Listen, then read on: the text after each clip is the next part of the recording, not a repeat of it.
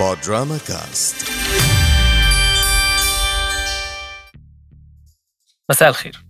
شهر مايو كل سنة بيكون عندنا حدث سينمائي ضخم مهرجان كان واللي هو واحد من ثلاث مهرجانات كبار برلين كان وفينيسيا. يمكن كان هو أشهرهم وأكبرهم. في الدورة اللي فاتت دي حصلت حاجة ما اتكررتش قبل كده كتير وهي إن مخرج يحصل على جايزة السعفة الذهبية أو البالم دور في مرتين ورا بعض شارك فيهم في المهرجان. روبن أوسلاند خد الجايزة في 2017 عن فيلم The Square والسنة اللي فاتت خدها عن Triangle of Sadness أنا حسام درويش ودي حلقة جديدة من 35 مليون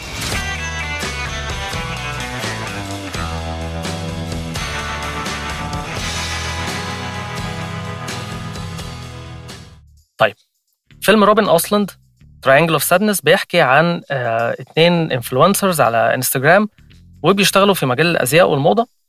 بتجيلهم دعوة آه للمشاركة على يخت في رحلة فارهة جدا وبيحصل آه في أثناء الرحلة دي إن هم بيبدأوا يختلطوا بالناس الموجودين على اليخت وبيتعرفوا عليهم. ومن خلال المواقف اللي بتحصل مع الناس اللي موجودين على اليخت ومع ال couples دول بيبدأ روبن أوسلاند يورينا مفارقات كتير جدا بتبين لنا وجهة نظره في المجتمع الحديث. فيلم Triangle of Sadness بطولة آه هاريس ديكنسون شيلبي دين للأسف اتوفت بعد المهرجان ما خلص بثلاث شهور. هي اتوفت في شهر أغسطس كان عندها 31 سنة ماتت صغيرة جدا دولي دي ليون وودي هالرسون. المخرج بتاعنا روبن أوسلاند معروف بحسه الساخر وإدراكه لمشكلات المجتمع اللي إحنا موجودين فيه دلوقتي. وهو قال عن الفيلم إنه حب يكون آه roller coaster أو اللي هو القطر اللي بيبقى موجود في الملاهي ده بحيث إننا نشوف نفسنا فيه ونضحك على أفعالنا ونفكر فيها. وفعلا هو مزج قضايا كتير جدا في الفيلم وقدمها بشكل ممتع وظريف ومسلي. اوسلاند اعتمد إن هو يورينا مفارقات كتيره جدا في حاجات بتعدي قدامنا كل يوم عادي ومش بناخد بالنا منها لكن هو بياخدها بيكبرها ويوريها لنا ويقول لنا لا إن الكلام ده مش طبيعي إحنا المفروض نفكر في الأفعال دي أكتر من كده. الحقيقة الأسلوب دوت بدأ من بدري جدا يمكن بداية من اختيار اسم الفيلم. روبن اوسلاند لما اتسأل عن اسم الفيلم Triangle of Sadness قال إن الفكرة جات له أثناء حوار ليه مع صديق بيشتغل طبيب تجميل. ولما صديقه ده لاحظ وجود تجاعيد كتيرة جدا بين حواجبه سببها التركيز ودي حاجة بتيجي عموما للناس اللي بتبقى مركزة قوي كده وبتقرأ. بيحصل لهم نوع من أنواع التجاعيد بين الحواجب كده. فهو قال له أنت عندك Triangle of Sadness أو مثلث للحزن بس ما تقلقش إحنا ممكن نعالجه في خلال 15 دقيقة عن طريق البوتوكس. الكلمة اللي قالها الدكتور صديق أوسلاند على قد ما هي ممكن تبان عادية إلا إنها ليها دلالة كبيرة جدا. اللي حس أوسلاند إن المادية بقت هي الحاكم في كل شيء لدرجة إنك ممكن تصلح الحزن sadness بالبوتوكس عن طريق عملية بسيطة.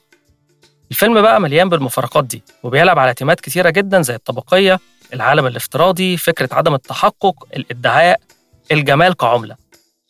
أنا شخصيا أكتر فصلين عجبوني كان الفصل الأول والتاني ويمكن دول كمان كان فيهم أكتر ثلاث مشاهد عجبوني في الفيلم كله.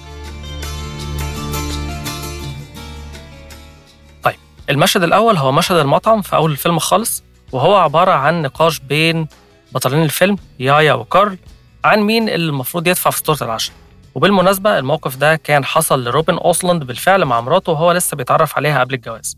أوسلاند نفذ المشهد ده عن طريق كاميرا ثابتة على كل بطل وبتتحول من كارل ليايا ببطء جدا وكادر واسع علشان يبين لنا كل ال body signals والإشارات اللي طالعة من كل واحد فيهم. أوسلاند كمان عمل حركة صايعة جدا إن هو خلى الكرسي اللي قاعد عليه كارل كورنر متحاوط ومزنوق والكرسي المقابل ليه بتاع يايا فاضي عشان يبين لنا إحساس كل واحد فيهم. المشهد ده كان طويل نسبيا وبالفعل إدى فرشة حلوة جدا لعلاقة الاتنين دول ببعض بعد كده.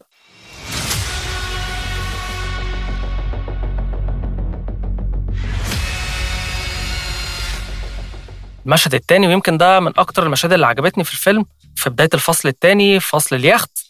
وهو لما كارلو ويايا كانوا قاعدين على الديك بتاع اليخت وبياخدوا حمام شمس وفي قدامهم عامل من العمال اللي شغالين على اليخت بيرتاح وبيتكلم مع زمايله وبيبص ليايا وبيحييها تحية عادية جدا إلا إن التحية دي ما عدتش على كارل كده. التحية دي خلت كارل يحس بنوع من أنواع التهديد وكان باين قوي في رد فعله وبين لنا قد إيه هو غير متحقق كرجل. بالرغم من إن جسمه وشكله بيستخدم كمثال للرجولة في عالم الموضة إلا إنه حس زي ما قلت لكم بتهديد من عامل يمكن هو حس إن هو أرجل منه. المشهد زي ما قلت لكم اتنفذ بحلاوة قوي الكاميرا جاية من على العامل بلو أنجل متصورة من تحت عشان تبين لنا كأن كارل بيبص عليه وكأن العامل دوت واقف فوق وكارل هو اللي تحت. بالرغم من التفاوت الطبقي الواضح بينهم وتفوق كارل في ده إلا إن كارل حاسس ب... بنوع من أنواع الوضاعة أو ال... أو الدونية قدام العامل. وضع العامل كمان في المشهد دوت وهو متصور بين آه، زاوية واخدة شكل في لساري أو الرادار اللي موجود على اليخت. ليها إحالة جنسية واضحة جدا في دماغ كارل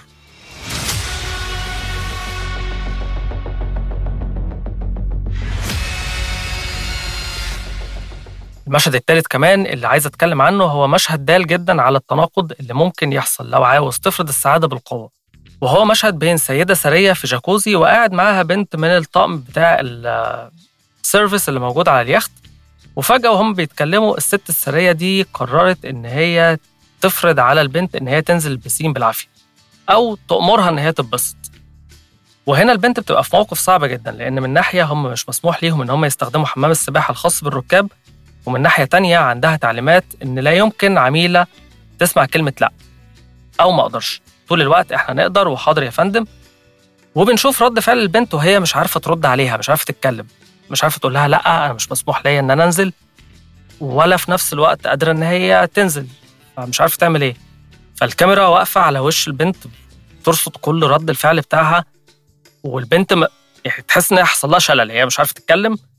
والمشهد إلى حد ما برضه طويل نسبيا خلاني أنا كمشاهد حاسس إن أنا نفسي اللي مش قادر أتكلم مش عارف أرد.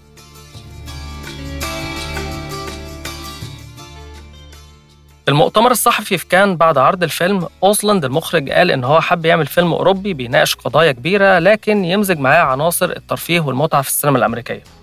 طيب لو هنتكلم عن مستوى الفيلم، هل الفيلم ده يستحق المشاهدة؟ الإجابة طبعا أكيد، لازم تتفرج عليه.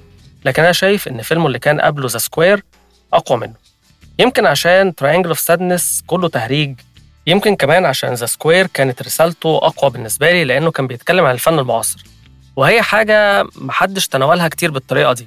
Triangle of Sadness بيتعرض دلوقتي في زاوية أظن مكمل الأسبوع دوت كمان. لو أنت من محب السينما أنا أرشحه جدا وأنصحك تروح تتفرج عليه.